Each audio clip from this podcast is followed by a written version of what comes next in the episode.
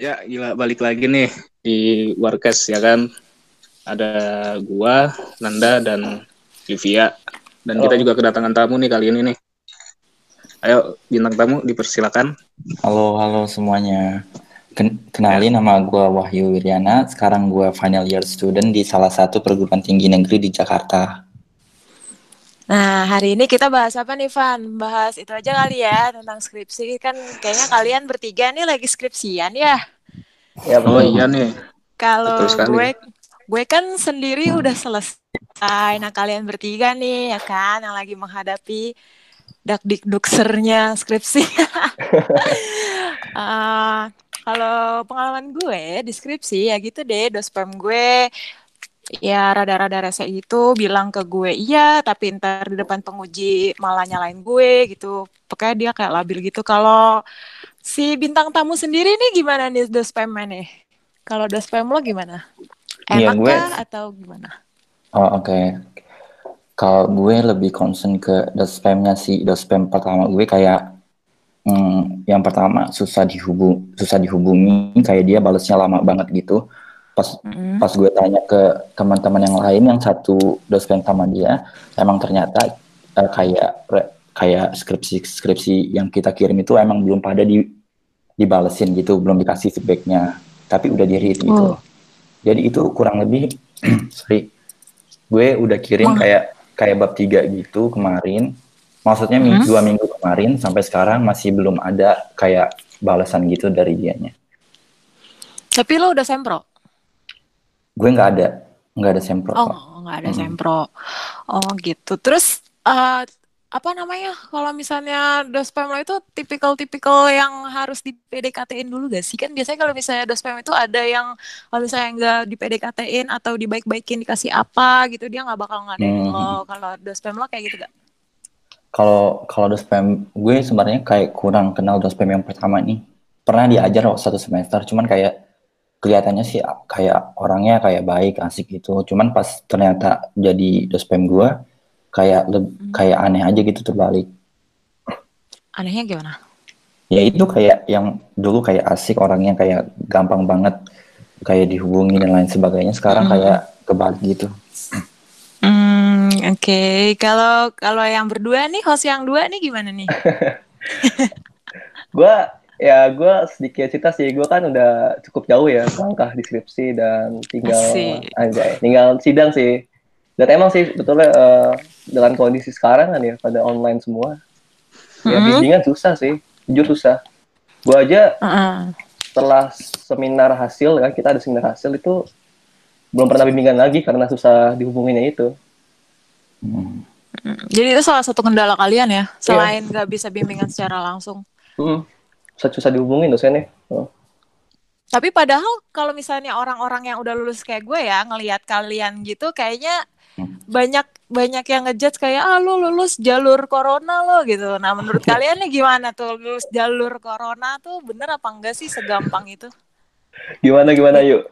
Kalau perspektif gue ya sih, kalau lulus jalur corona kayaknya kayak nggak patut dibilang gitu gitu deh. Soalnya kayak kita juga tetap ngejalanin skripsi yang malah kalau gua rasain itu lebih susah bimbingannya karena lo nggak ketemu dos- dosen lo langsung, terus komunikasi lo juga Betul. susah, terus juga kadang lo kan nggak bisa kan kayak misalnya kayak neror dosen lo gitu, ayo misalnya Hmm, pak, hmm, ayo gimana ini bab tidak saya dan lain sebagainya gitu, jadi lebih susah aja sih, kayak eh, kayak effort banget gitu. Hmm, lo kayak digantung ya sama dosen. Nah iya, Lebih sakit kayak digantung dosen ya. Terus lo pada penelitiannya gimana nih? Penelitiannya kehandat juga nggak? iya kalau penelitiannya pasti ya. Cuman gue gimana caranya biar bisa ngejar ketertinggalan itu kayak misalnya gue eh, bakal mulai bimbingan ke dosen yang dua kedua gue gitu. Daripada gue nungguin dosen yang pertama nggak ada balas-balasan gitu, mendingan kerjain yang lain dulu deh. Dan Fandi dari ada yang mau ditanya? Mungkin ini sih ya menurut lu pada nih ya kan yang sedang skripsi yoi.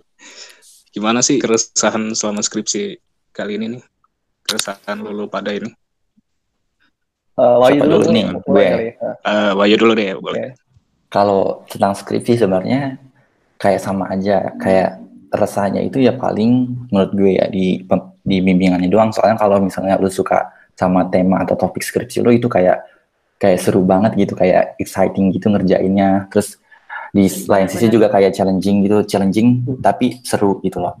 Nah tapi yang yang jadi concern gue kayak uh, somehow gue itu sering denger-denger banget kayak uh, misalnya uh, banyak kan ya pastilah dosen suruh nyuruh kita cepat lulus kan. Tapi somehow Iya. kayak susah gitu kayak kita mau kita ada kayak oke kita punya desire nih kita pengen lulus cepat terus kita ngerjainnya ra- rajin tapi kayak ada kayak suatu hal yang enggak mendukung itu gitu loh di situ Iya sih. banget. Bener banget. Hmm, Oke oke. Kalau lu sendiri gimana nih Nan? Uh, keresahan selama skripsi ya menurut gua mungkin ini sih ya jadi stereotip gitu kalau mahasiswa lambat bukan karena mereka apa rata-rata lambat karena mereka terhadang oleh dosen sih menurut gua. Jadi Hmm, Oh iya iya. eh tipikal dosen tuh beda-beda ya. Mungkin Mm-mm. yang Hmm. banyak umum ditemui itu ya dosen yang susah dihubungi gitu, susah ditemuin dan susah untuk diajak bimbingan. Jadi Ada sih dosen yang yang ngejar-ngejar ada ya Nan, tapi ya ada, nggak tapi banyak. iya itu mutiara ini. ya, cuma itu sih menurut gua kalau lu udah kata Wahyu bener sih kalau lu suka sama topiknya dan lu uh, jalaninnya oke itu tinggal hadap-hadapan sama dosennya aja sih biar Oke. lancar skripsinya. Tapi sebenarnya kalau gua kalau gua pikir-pikir eh sebenarnya gini sih, kayak kita sama dosen itu punya perspektif yang beda ya pastinya kayak misalnya dosen Hmm. pengen ah saya pengen misalnya pengen ngebantu dia biar lulusnya cepat. Nah, tapi si Mhm. mahasiswa yang dibimbing itu menurut si dosennya lama. Sedangkan di pandangan kita, kitanya udah rajin, tapi si Oh. dosen pembimbingnya itu yang kayak nggak mau ngebantu kita gitu loh. Iya itu Waduh. sih fix. Iya, iya. Iya itu banget. tapi tapi menurut gue sejauh yang kayak udah dipelajarin gitu sebenarnya kalau dalam suatu masalah itu pasti ada kayak solus kayak ada solusinya gitu kan pasti ada win-win solutionnya tapi menurut gue Oke. uh, both student sama dosennya itu sebenarnya harus nempatin diri kita di uh, kayak put yourself on others people's shoe gitu loh Hmm. kayak iya kayak kita nggak boleh kayak Hmm. kayak dosen nggak boleh A yang nggak bo- dia harus melihat juga studentnya gimana terus sebaliknya aja gitu Berarti- Hmm, Oke. Komunikasi penting ya buat hubungan dosen ini ya. iya Eh ngomong-ngomong komunikasi dan dospem nih, ada yang pengen Hmm. gue tanyain. Menurut pengalaman gue nih, gue Hmm. tuh kan tadi si Wahyu udah udah udah membahas sedikit kalau misalnya pandangan kita sebagai mahasiswa sama dosen suka beda. Nah kadang nih ada juga pas kita dap, lo kalian dospem tuh milih atau ngacak sih? Milih. kita tuh apa kayak nge-propose dua dosen tapi yang nentuinnya Hmm. kayak tetap program studi gitu sih dari prodinya Nah, iya itu kan kalau misalnya ada nih dos dospem yang kekeh gitu loh. Jadi kasusnya ini temen gue eh, pernah ngajuin judul A gitu. Nah, pas bimbingan pertama dia ceritain deh, Bu, eh, saya tuh maunya lalala kayak gini. Mhm. Terus si dospem ini seenaknya aja maksudnya kayak ini pembahasan ini tuh gini terlalu ini ini mending kayak gini. Akhirnya dia ganti judul yang kayaknya bukan dia banget gitu loh. Kayak tadi kan kayak Wahyu bilang harusnya yang kita enjoy kita udah ngajuin tapi ternyata s- kita harus ngikutin sama maunya si dospem ini gitu kan. Padahal iya. kan ini juga penelitian juga penelitian kita gitu kan gitu. Kalau misalnya Yep. menurut Iya, kalian kalau yang dosen-dosen strict kayak gitu harus sesuai sama maunya dia tuh gimana tuh Wahyu Sandi dulu mungkin Sandi? gua Ya. kalau menurut gue ya itu balik lagi yang tadi karena eh, kayak each one of us itu sebenarnya nggak tahu kan apa yang eh, seseorang capable capable of gitu kayak Mhm, setiap mhm. orang itu punya kayak capability yang berbeda-beda gitu jadi kalau misalnya kita udah propose satu topik berarti itu yang kita bisa gitu ya kan Mm, Iya, mhm, logikanya benar. di situ. Nah, tapi somehow kadang dosen ada yang mau kayak ubah judul karena dia pikir itu terlalu gampang atau dia mau ada purpose lain buat di-upload kayak di jurnal-jurnal gitu. Kan Mhm. nah, nah, maksud gue itu balik lagi karena kayak sebagai dosen atau mahasiswa lo harus selalu tepatin diri lo di posisi orang lain gitu. Hmm, kalau menurut yang lain gimana nih? Pandi, gimana Pandi? Lu dulu dong. Fandi aja. Kenapa? Kenapa, Pak? karena karena menurut Karena- gue yang yang soalnya ada di teman-teman gue mana, juga yang Ah, pokoknya kayak dia di kayak di eh, seenaknya aja gitu kayak disuruh ganti topik atau dan lain sebagainya karena kalau kalau sepengalaman kalian lah misalnya atau gua juga kan Hmm. bikin kayak proposal itu kan skripsi nggak gampang kayak harus cari masalahnya dulu kan milih metodenya kayak it takes long time gitu jadi kalau diganti topik seenaknya aja itu kayak emang itu nyusahin juga buat uh, mahasiswa mahasiswanya gitu loh Mhm. Benar, dan benar itu pasti banget. pasti menghambat juga sih menghambat kelulusan yang di mana dosen minta cepet-cepet lulus tapi eh, di lain sisi itu paling menghambat banget kelulusan karena lo harus cari topik baru masalah baru dan lo juga bela- harus belajar metode baru Iya, jadi gimana sih maunya gitu Ya. kan? Hmm. Lu Mm-mm, benar. sebenarnya maunya gimana Apalagi gitu? kalau kita dipaksa dipaksa buat nurutin judul yang dia mau kan itu bukan capability kita kan, tapi kita harus kayak yang dia mau. Agak susah ya. Fandi, gimana lo lo skripsinya Ini balik lagi mana? sih. Pandi iya tuh, gimana tuh? Lu nanya siapa nih? Fandi, Oh, nanya lu gua. dari tadi nggak ngomongin Nanda ngomongin skripsinya, Wahyu ngomongin skripsinya. Iya, Lu nih. dong, mana skripsi lu nih?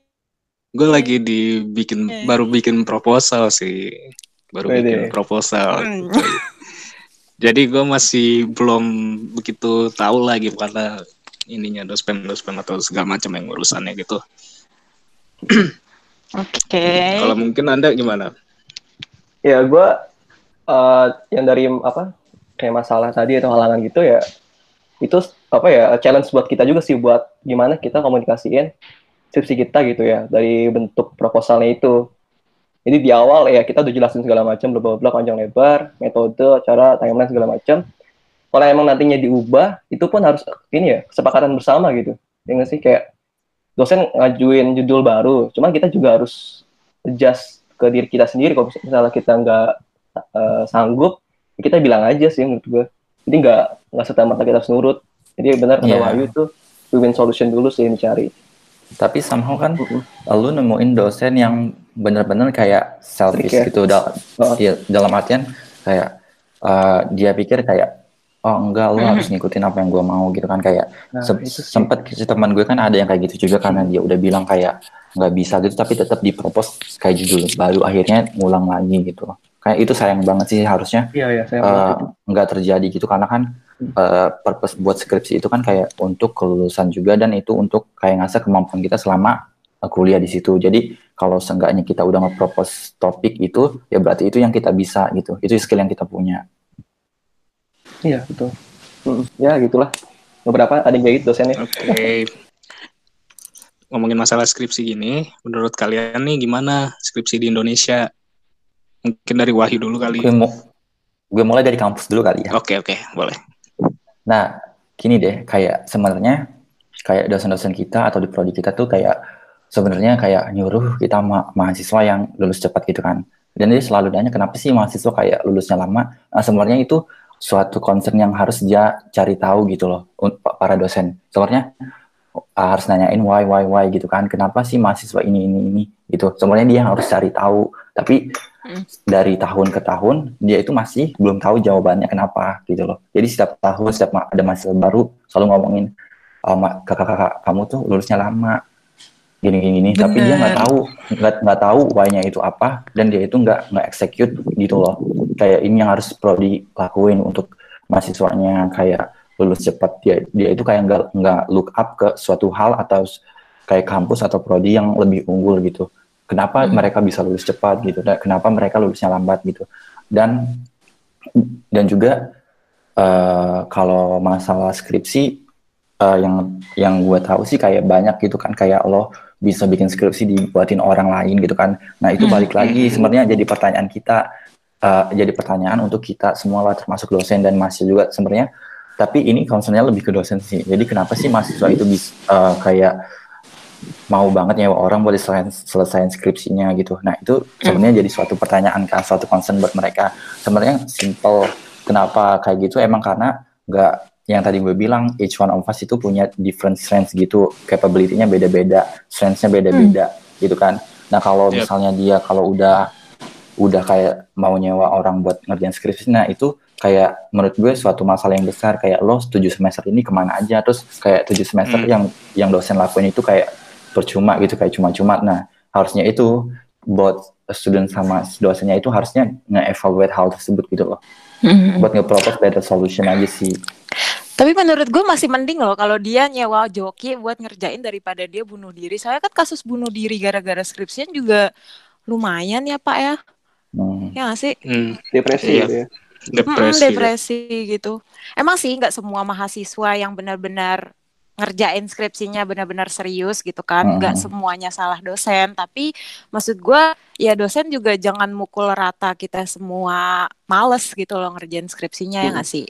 Nah itu dia yang gue bilang tadi karena kalau misalnya lu stres biasanya eh, yang gue tangkap karena lo susah kayak skripsinya gitu kan mungkin bimbingan revisi terus dan lain sebagainya. Nah Hmm. yang menjadi concern kayak gue atau kalian semua sebagai mahasiswa gitu eh, pastinya kayak si dosen itu nggak nggak bisa kayak eh, nganggap ini eh, kayak mudah atau dan lain sebagainya karena yang gue bilang tadi dari Hmm. masing-masing kita itu punya capability yang beda-beda gitu loh sebenarnya harus tahu harus aware ke hal itu dulu sih karena nggak setiap orang sama gitu aja Ya, kalau misalnya gue boleh nge-share dikit ya pengalaman gue nih. Gue tuh punya dospem yang kalau misalnya gue tiap bimbingan tuh dia oke-oke aja. Jadi seolah-olah gue sudah benar, sudah bagus gitu loh. Paling kurang-kurang dikit gue tambah-tambahin gitu kan. Terus pas saatnya gue sidang nih, gue ditanya lah tuh sama pembim eh penguji gue ini ini ini, ini. Terus gue kayak yang loh soalnya bagian yang ini menurut si pembimbing gue udah oke, udah pas, udah nggak ada masalah lah. Tapi ditanyain lah sama si penguji gue ini. Kalau teman gue sama dospemnya dibantuin jawab.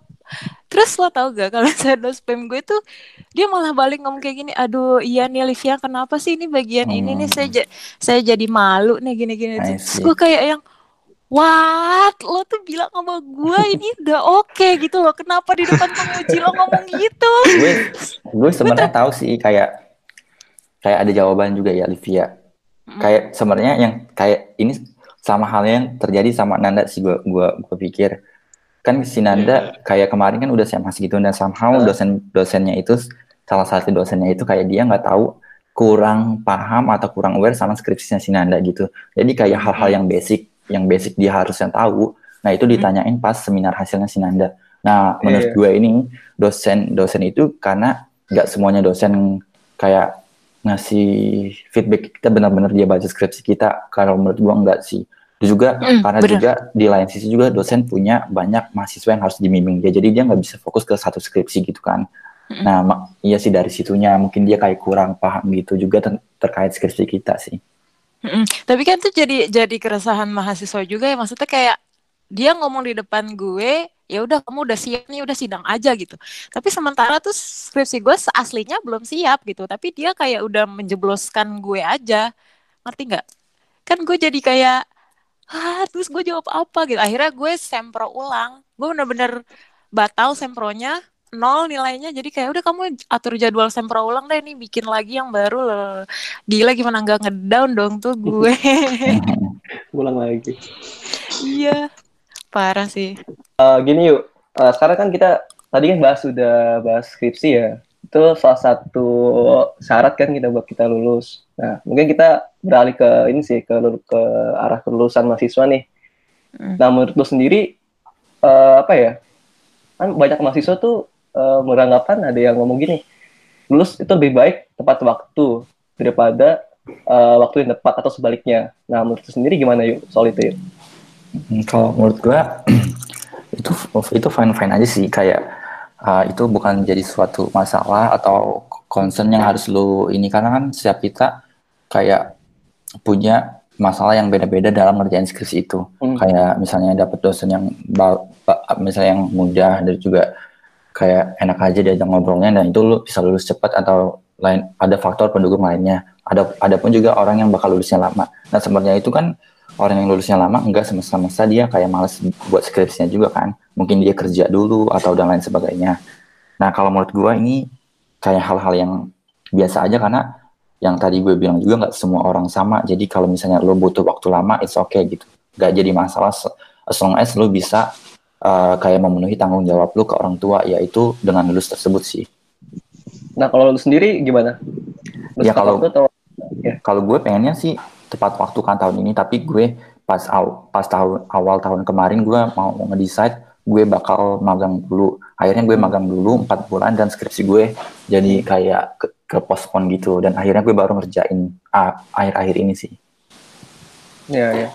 Itu tapi sih jadi Ben, lu jangan lupa sama goals lu kalau misalnya lu Oh, iya. mau tulus tahun ini ya lu harus kejar ke- ketertinggalan dulu tuh Tapi kalau mau ngomong soal goals ya, case-nya ini teman gue malah menjadikan itu alasan loh Nan. Maksudnya kayak s- dengan banyaknya orang ngomong ya udahlah lulus mah nggak perlu tepat waktu, yang penting di Hmm. waktu Iya, iya. yang tepat gitu kan. Hmm. Itu malah men- di- menjadikan mereka alasan alasan untuk ya mereka sebenarnya aslinya nggak ngapa-ngapain. Mereka Mhm. nggak magang, mereka nggak kuliah lagi udah nggak punya mata kuliah. Intinya ya mereka udah nggak ngapa-ngapain terus Mhm. ya udah tiba-tiba lepas tanggung jawab aja. Ya mungkin sekarang bukan waktu yang tepat kali ya gitu-gitu. Menurut gue itu juga salah ya mindset Mhm. mahasiswa yang kayak gitu gitu loh. Maksudnya waktu yang tepat lo tuh kapan? Benar kata Wahyu tadi goalsnya itu di ditepatin dulu. Maksudnya lo maunya di titik mana nih? Waktu yang tepat lo tuh di mana?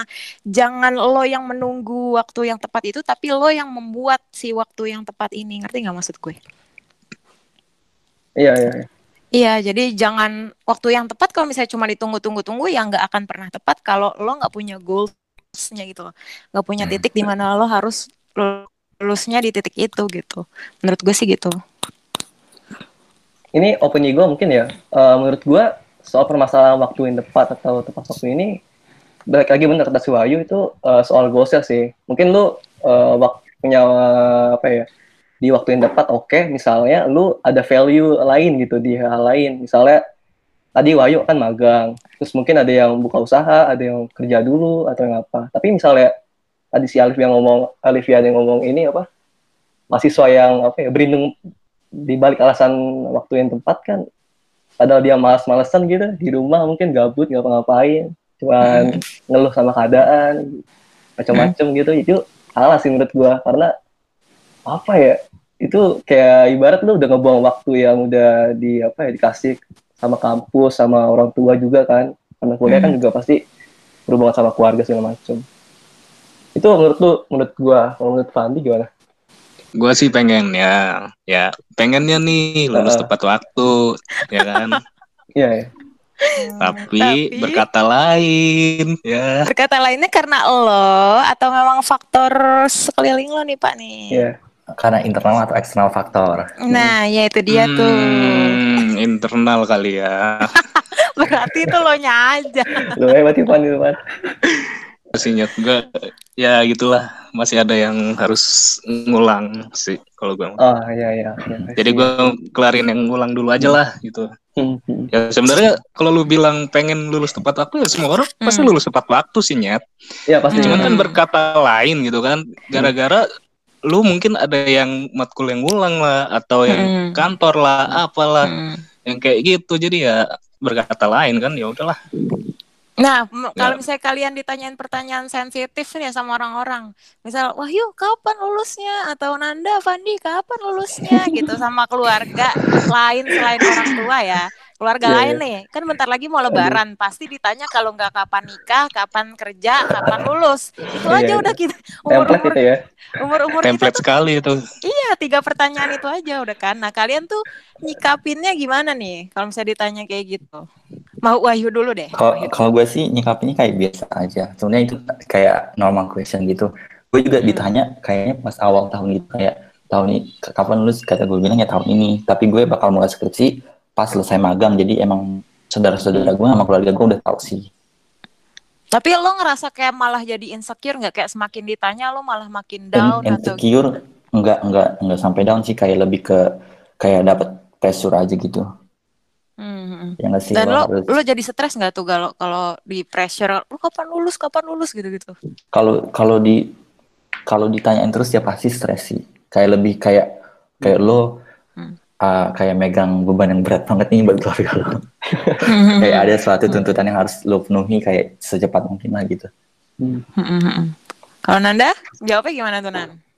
Eh, itu kalau yang nanya orang lain gitu ya, gue Keluarga ya sih, biasa. keluarga tapi di luar Oh. di luar orang tua lo gitu. Eh, di orang Iya, tua. kayak Ya, saudara lu lah, Hmm. saudara saudara besar. Mm. ya gue ngejawab aja gue lagi ngapain sekarang misalnya gue lagi nunggu sidang atau lagi ngerjain apa Mm, terus doain aja tahun ini semoga lulus cepat gitu paling itu sih kalau buat ini ya eh, bukan orang tua cuman kalau mungkin ya kalau dari orang tua dari sisi gue pribadi gue ngerasa kalau gue tuh harus harus tepat waktu ya maksudnya Mm. karena gue masih pakai duit orang tua buat kuliah gitu Hmm. misalnya gue nggak pakai duit orang tua ya gue bebas sih mau lulusnya nanti atau kapan serah cuman Bener, harus masih- tahu diri ya. Iya, Mhm. masih masih apa masih pakai duit orang tua ya. Tapi kalau misalnya or- orang tua nih, kan ada nih orang tua yang ngepres kalian banget. Kamu tuh belum lulus lulus tuh nggak sih, mama udah eh," gitu. Lihat tuh Nah, anaknya itu si gimana? itu, ya kan? Kan suka Ya, ya. suka kayak gitu. Suka lihat tuh si itu udah lulus, lihat tuh si Gini, ini gini. ya, gitu. Itu gimana Sorry, tuh sorry. kalian tuh? Iya, ya. Kalau gue gini ya, lu jangan apa ya, jangan suka membanding-bandingin lah anjir. Iya iya betul. Tiap orang Betul, beda-beda cuy gitu kan. Ya mungkin dia ada alasan tersendiri. Fandi yang lebih meluap-luap nih kayaknya apa-apa Fan ngomong Fan. Ya gue orang yang paling nggak suka kalau dibeda-bedain anjir. Ya dia dia lu lu gitu loh. Ya nggak usah Ah. di sama-samain lah anjir. Setiap orang beda-beda. Kenapa sih dikit-dikit lihat tuh anak itu gini gini gini lihat tuh dia pinter gini gini gini wah ingin ku Malah- berkata kasar Malah jadi lebih Uh. males atau malah la- jadi lebih menggebu-gebu buat ngerjain sih kalau menurut kalian tuh kalau digituin ya? gue malah lebih males sih Kok malah lebih Gua males lebih sih? Bang gimana sih lu? iyalah Terus, terus iyalah Udah ngambek duluan ya lu. Kok ngambek? Kagak, Gimana, gue ya ya malesnya karena anjir lah apaan sih gue dibanding bandingin ya gue lagi usaha gitu kan Hmm. tinggal tunggu tanggal waktu mainnya aja sih gitu aja Hmm. Kalau Wahyu pernah nggak digituin yuk? Sama orang tua lo deh. Dibandingin gitu. Iya di press kayak, ayo dong Wahyu gimana sih kamu Oh. ya gitu.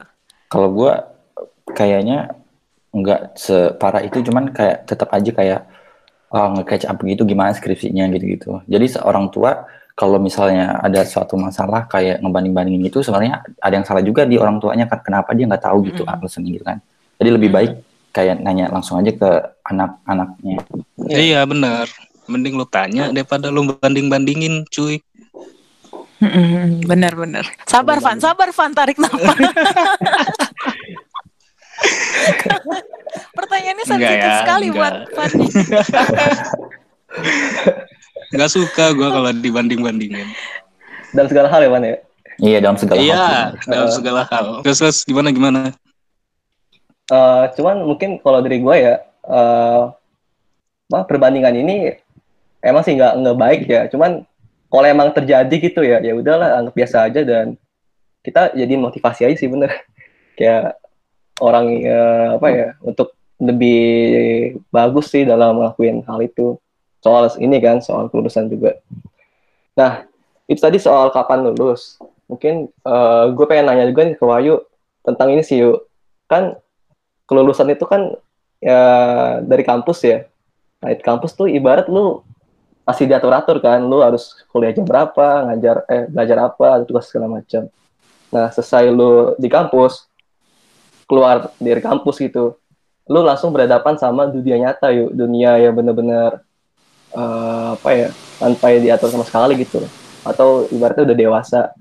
Nah, dari lu sendiri gimana yuk soal ini rencana ngapain Hmm. aja setelah lulus tuh gimana menurut lu? Sebenarnya kalau masalah lepas lepas gitu kayak udah lepas tangan gitu, emang gue sebenarnya udah kayak adaptasi sih dari semester 5 deh kayaknya. Kayak Coba kayak kayak gue udah tahu nih kalau Iya. nanti gue udah lulus pasti orang tua bakal lepas tangan gitu kan Iya. terkait biaya gitu. Hmm. Nah gue dari pas semester 5 itu eh, kayak udah magang gitu kan. Nah gue dari situ gue udah bisa kayak beli-beli kebutuhan gue gitu kayak kayak misalnya beli Hmm. kan waktu itu handphone gue rusak pas magang jadinya gue bisa beli handphone dari hasil kerja gue itu Sa- sama juga yang sekarang gitu. Jadi eh, kalau kelulusan itu menurut gue lo harus prepare diri sedini mungkin sih kayak Iya, iya. Iya apa aja yang mau lo lakuin setelah lulus dan lo harus tahu kalau lo udah lulus tuh lo pasti dituntut buat cari kerja kan sama orang tua lo. Hmm. Nah dari situ lo harus sudah benar-benar tahu lah lo goalsnya mau apa kayak misalnya uh, set aja sih goals lo kayak misalnya lo nanti udah lulus sini lo mau jadi kerja apa nih lo interestnya ke mana gitu kan dan lo bakal ngapain Hmm. aja gitu sih Berarti penting Nah. ya buat tahu ini ya dari awal. kayak planningnya juga Nah kemarin nih kebetulan banget nih gue lagi dibikin sama uh, kantor gue tuh, gue kan content writer ya, terus gue disuruh bikin tentang post university depression nih. Nah post uh, university depression ini yang tadi Nanda bilang yang gimana sih lo gitu. Nah rata-rata nih cari kerja di Jakarta kan susah ya pak ya.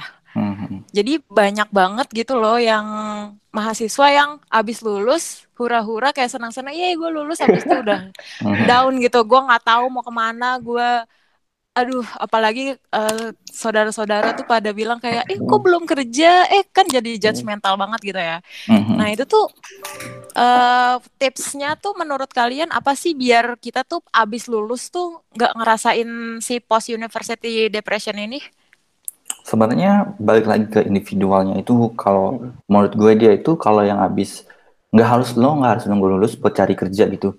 Even Mm-mm. lo bisa pas lo misalnya sudah selesai skripsinya kayak SMA atau udah selesai sidang itu lo Mm. bisa apply apply ke companies yang lo mau gitu.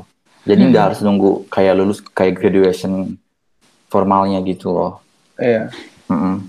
Jadi lo yang tadi gue bilang sih misalnya lo itu harus udah punya planning sih kayak sedini mungkin gitu kayak semester 6, semester 5 gitu kayak lo mau ngapain aja gitu. Kalau misalnya lo udah dapat kerja kan lo Hmm. bisa terhindar dari problem yang tadi itu yang satu itu tuh. iya yang ditanya-tanyain itu ya Kayak tanyain ya. Banyak tuh kayak gitu tuh. Tapi kan ada juga tuh yang kalau misalnya baru lulus nih, dia langsungnya langsung mau kerja gede gitu, langsung Hmm. mau yang kerjanya bagus gitu, nggak mau magang, yang nggak mau nyari pengalaman tuh. Kalau menurut kalian gimana tuh? Kalau kalian mau nggak sih kira-kira ya kalau misalnya ada magang dulu ya udah magang dulu. Nah, kalau gue kalau gue jadi misalnya kayak talent acquisition apa acquisition dari suatu company, gue balikin lagi ke diri gue kalau misalnya gue ngeliat anak fresh grade yang gak punya pengalaman, apa company gue bakal nge-hire dia? Kan enggak kan? Hmm, benar, Nah, benar, pasti iya. nyari yang kompet yang orang atau student yang pernah uh, ada pengalaman di bidang tersebut. Nah, itu kenapa pentingnya lo harus ngeset kayak goals lo harus ngeplan gitu kayak lo bakal magang di semester ini semester ini buat ngecapai misalnya goals A, B, C gitu. Gitu sih. Hmm. Karena itu penting banget. Jadi lo mau ya kalau misalnya ha- kalaupun harus magang ini dulu banyakin pengalaman, it's okay gitu ya. Iya, nggak apa-apa kok. Jadi juga gue nggak nggak selalu mesti mikir kayak gue lulus juga harus kerja di company yang besar gitu. Atau gue harus jadi full time itu enggak kok kalau misalnya lo lo pikir diri lo masih kurang atau misalnya lo belum punya pengalaman, lo lulus ya intern aja nggak apa-apa sih masih oke kalau menurut gue sih. Daripada nganggur Oh. ya. Iya. Nanda juga gitu Nan sama Fandi. Eh, Gimana kalau gua ya bener sih emang harus tahu goals kita tuh apa setelah lulus. Mungkin nggak nggak serta merta ada yang pengen kerja atau mungkin ada yang pengen rehat dulu, pengen apa nambah skill kan rehat sambil nambah skill. Ada juga yang pengen buka usaha. Jadi menurut gua harus penting sih tahu goals dari kita tuh apa. Kalau misalnya pengen nyari kerja ya apa pun yang apa ya bikin bisa kita kerja kayak tadi magang terus apa namanya kayak ikut workshop atau apa pun itu dilakuin aja sih asalkan nggak gabut aja lah nggak nganggur gitu yang penting ada kegiatan yang bermanfaat kata kalau kata gue Kalau Fandi Fandi? gimana, Fandi Ya kalau kata gue sih ya nggak apa-apa sih magang dulu anjir. Ya hitung-hitung nambah pengalaman juga. Jadi apa salahnya ya? sih buat magang? Enggak anjir. Lu daripada menjadi pengangguran mending lu magang. Udah apa sih maunya? mending gituin dia Ada Iya, kerjaan ya. daripada di pengangguran. rumah. Iya, daripada di rumah pengangguran terus stres. Hmm. Ih, gue nggak diterima lu di pekerjaan ini. Ya udah lu magang aja nyet. Iya tapi temen gue juga juga gitu sih dia cewek sih ya wajar kalau misalnya dia rada stres dia tuh nggak diterima di mana-mana gitu maksudnya belum rezeki lah ya Hmm. tapi tuh orangnya tuh kayak Hmm. kayak bilang Hah kamu nih udah di rumah tidur tiduran doang nggak pernah bantu ini nggak pernah Wah bantu gila sih. ekonomi gini-gini gitu kan cewek loh ya kalau cowok sih mungkin ya bisa slow aja lah ya kayak apa sih gitu kan. Kalau cewek kan lebih perasa ya gitu kan. Jadinya kalau misalnya dibilang nggak pernah bantuin uh, bersihin rumah, nggak bantuin ekonomi keluarga juga, cuma ngabisin duit kan itu kayaknya nyesek banget ya kalau misalnya digituin ya. Nah, kalau Hmm. misalnya menurut kalian nih orang tua nih kalau saran kalian ya, kalau misalnya orang tua tuh harusnya gimana sih biar anaknya tuh nggak ngedown buat pas nyari kerja gitu? After lulus. Dari siapa dulu nih? Wahyu dulu deh kan bintang tamu. Oke. Nah, kalau menurut gua sebenarnya itu dari buk enggak dari sisi orang tuanya juga sih dari sisi kitanya karena yang tadi gue bilang kalau kita itu sebagai anak harus aware juga sama keadaan orang tua kita gitu kan. Kalau misalnya lo Oh iya benar. Iya, misalnya kayak misalnya orang tua lo cum maaf ya kayak cuman bilang bakal nguliahin lo sampai semester 8 kalau misalnya lo masih kuliah di luar semester itu ya lo cari uang sendiri gitu misalnya. Hmm. Atau iya maksud gue maksud gue sebagai anak gitu lo harus tahu keadaan ekonomi eh, orang tua lo gitu kalau misalnya lo Mm. iya kalau misalnya lo emang udah tahu lo harus kerja setelah lulus ya lo harus tahu juga nih kayak kayak apa aja hal yang bakal lo lak- yang yang harus lo lakuin gitu buat cari kerja tersebut gitu. Kalau Nanda? ya apa ya menurut gue ya apa ya bener sih harus apa aware sama keadaan sekitar sih maksudnya kalau misalnya dia anak pertama ya kan karena gue anak Hmm. pertama juga gue eh, nyontoin ke adik-adik gue kan kalau gue terus Hmm. terus waktu cari kerja yang oke dan enggak meskipun emang gue di rumah pun gue ada something yang gue kerjain gitu Hmm. misalnya ya Hmm. belajar apa gitu misalnya bantu orang tua apa pun itulah jadi enggak bentar kata Fanding di- jangan jadi pengangguran yang sia-sia kita pengangguran yang bermanfaat lah gitu Pengangguran sia-sia.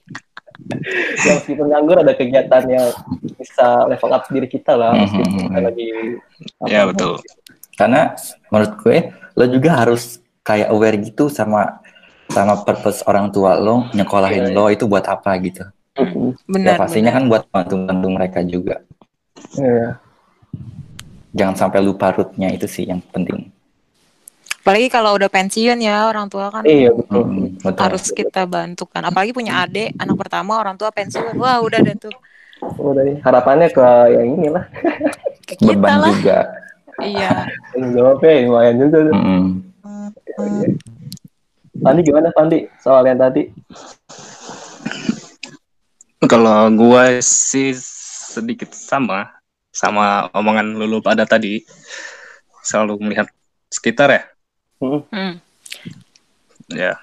Dan lagi juga apa ya kalau misalnya itu mungkin saling terbuka aja sih antara lu dan nyokap lu atau Oh, ya. lu dan bokap lu gitu.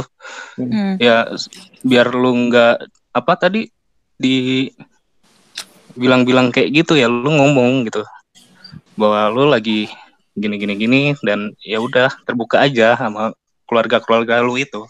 Mhm. Nah terus lagi. eh, ini kita tadi kan kita ngomongin secara kita pribadi ya dan Hmm. Gue narik ke secara Indonesia sih soal masalah kelulusan ini.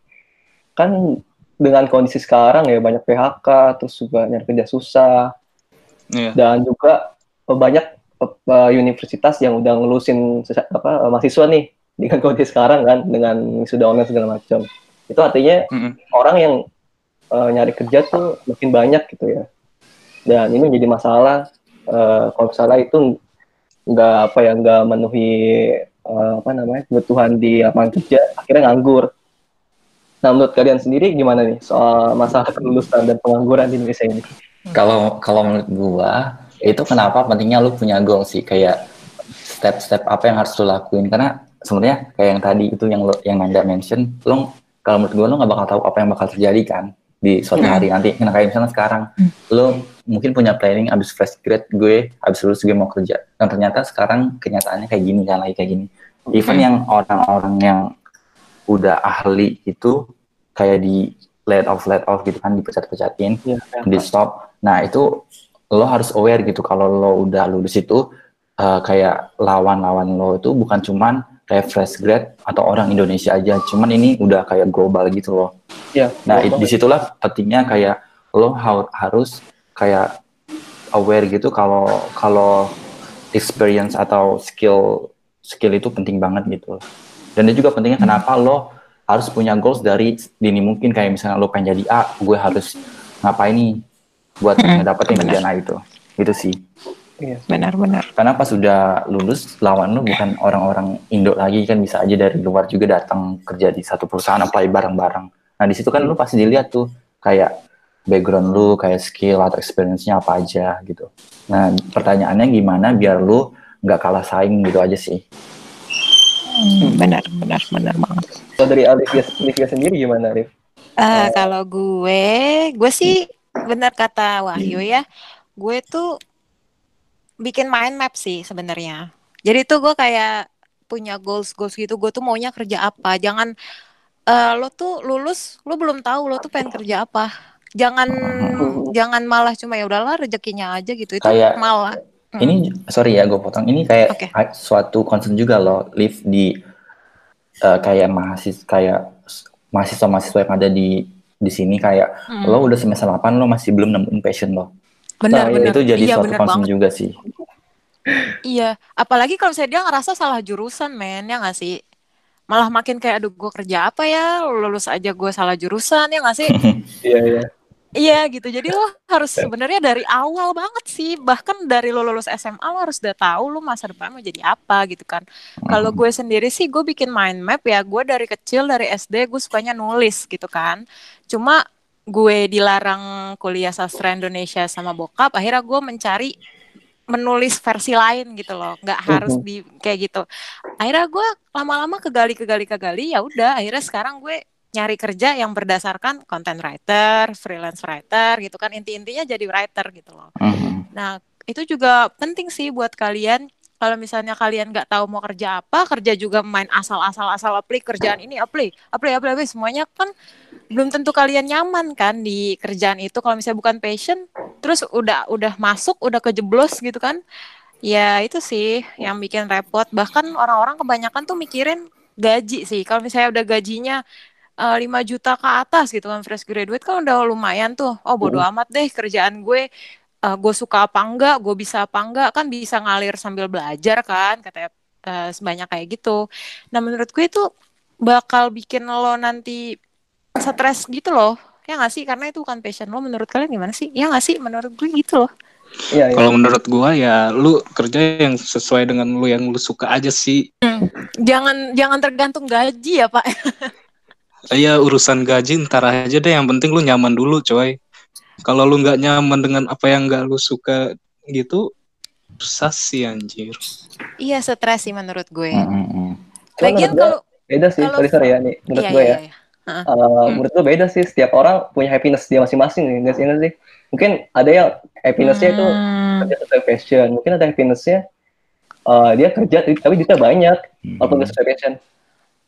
Oke, Itu, kalau itu tergantung berarti sama variabel yang mau dicapai gitu ya faktor-faktornya.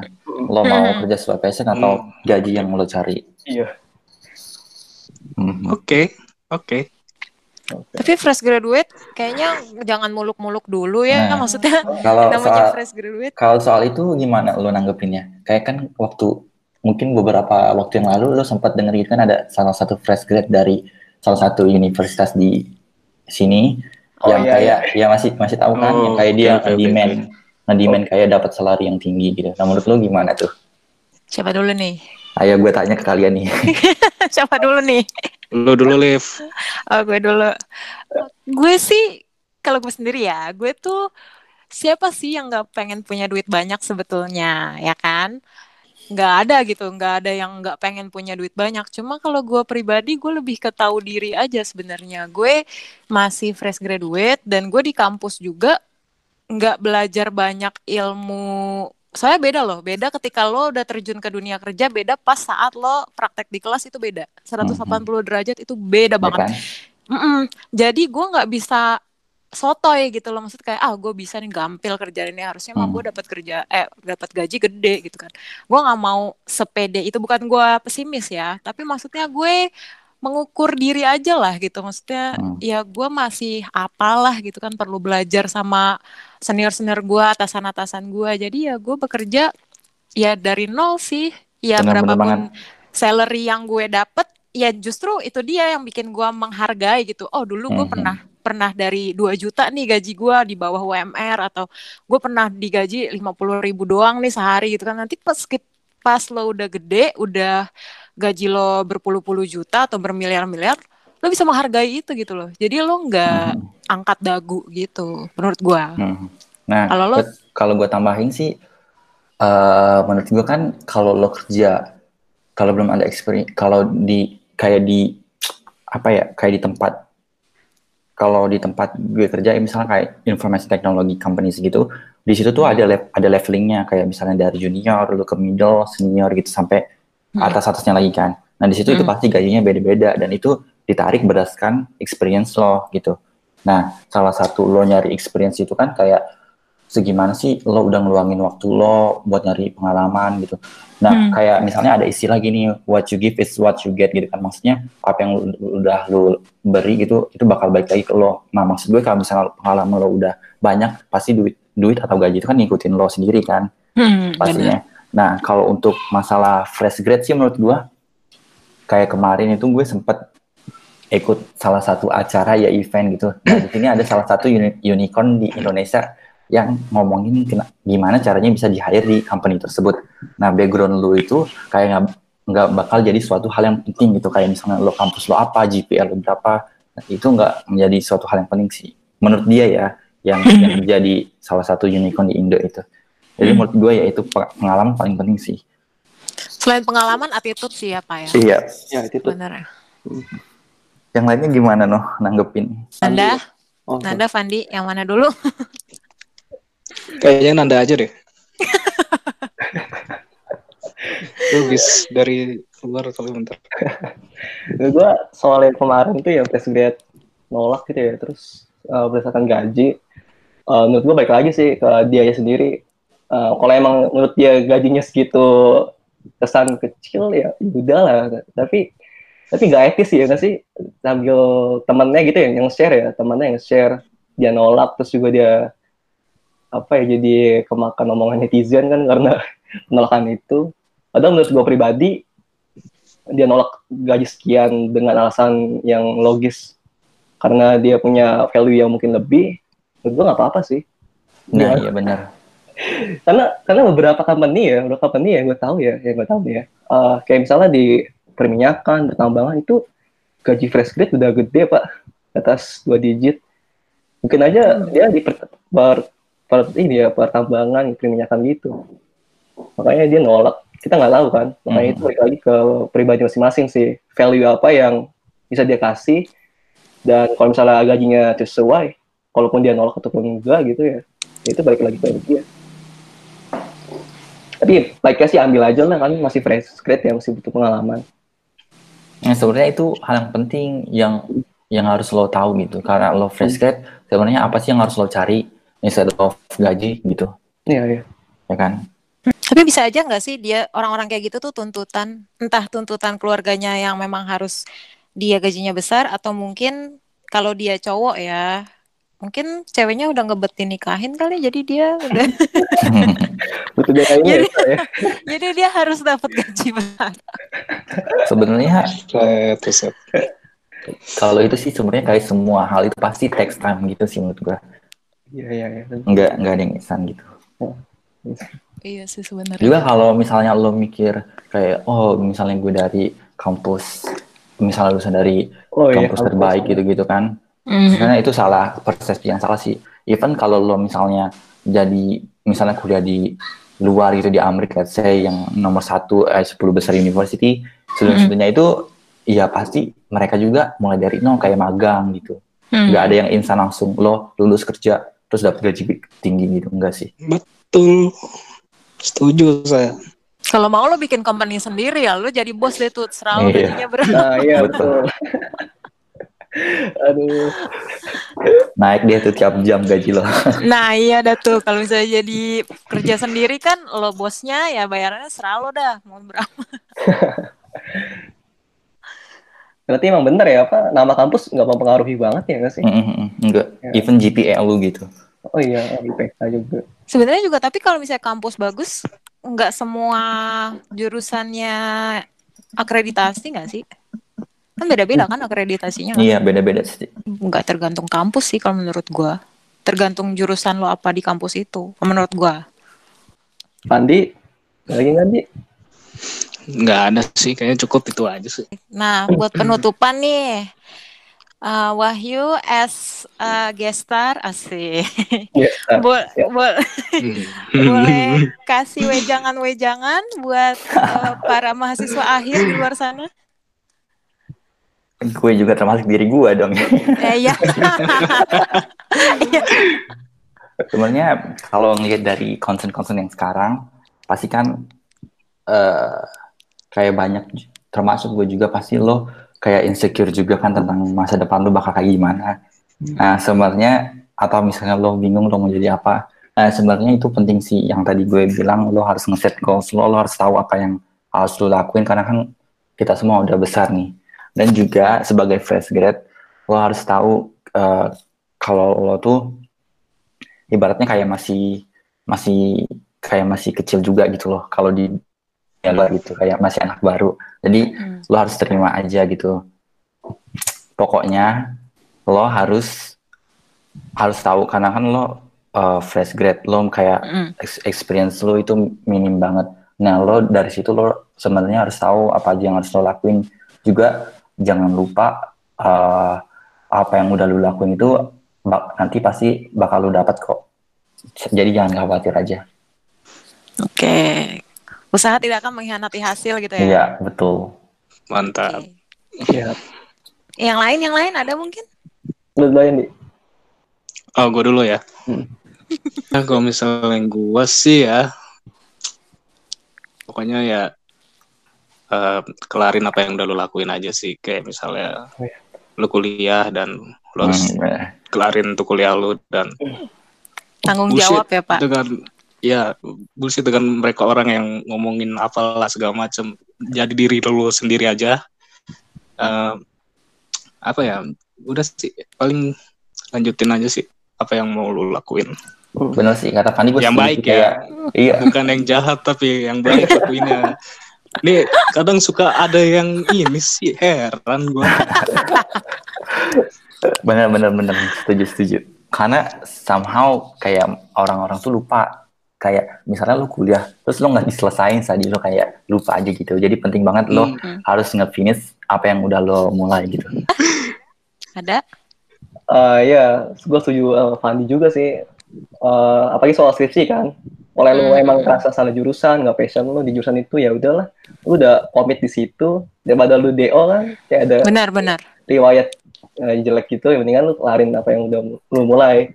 Kalau ya walaupun walaupun itu lu nggak suka gitu kan masih Iya. kayak kepikiran gue salah jurusan udah lu kelarin aja demi orang tua, demi keluarga, demi diri lu sendiri, kelarin apa yang udah lu mulai sih. Termasuk skripsi dan kuliah ini.